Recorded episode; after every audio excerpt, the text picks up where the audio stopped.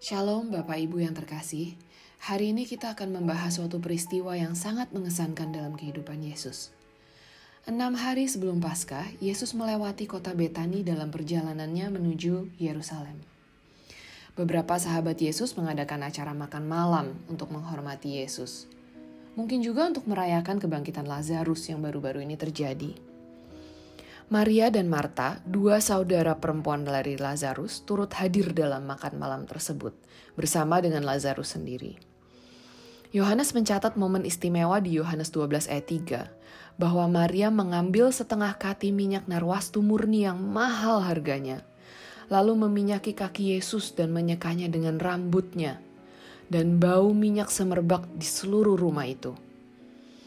Saya membayangkan betapa hati Maria mengasihi Tuhan sampai dia rela mengambil barang yang paling mahal yang dia punya untuk dipecahkan dan diberikan kepada Yesus.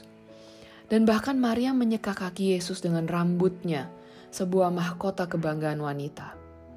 Mungkin karena Maria merasa sangat bersyukur karena Yesus sudah membangkitkan saudaranya Lazarus dari kematian, atau mungkin juga karena Maria punya hubungan yang sangat dekat dengan Tuhan.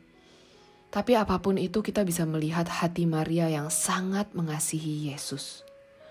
Dan dia memberikan harta yang paling berharga sebagai her act of worship dari hati yang paling dalam mengasihi Tuhan. Aroma dari persembahannya memenuhi seluruh rumah dan kisahnya masih kita baca dan masih memberkati kita sampai hari ini. Apa sebenarnya makna worship yang sejati?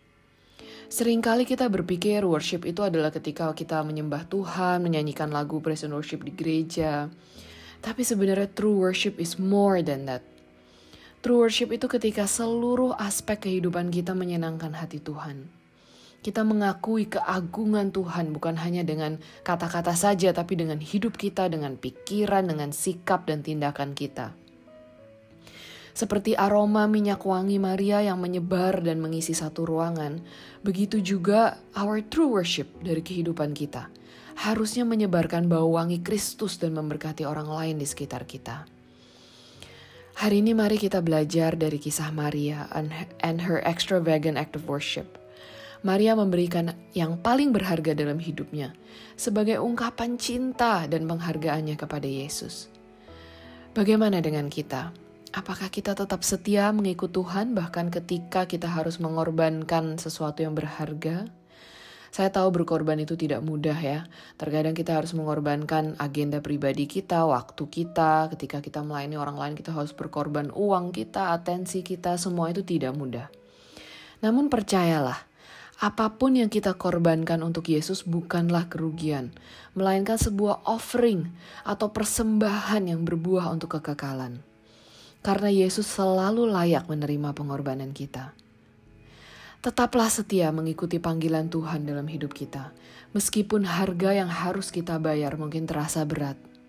Karena pada akhirnya setiap pengorbanan yang kita buat demi Kristus adalah investasi yang tidak ternilai. Jesus is always worth it. Tuhan memberkati.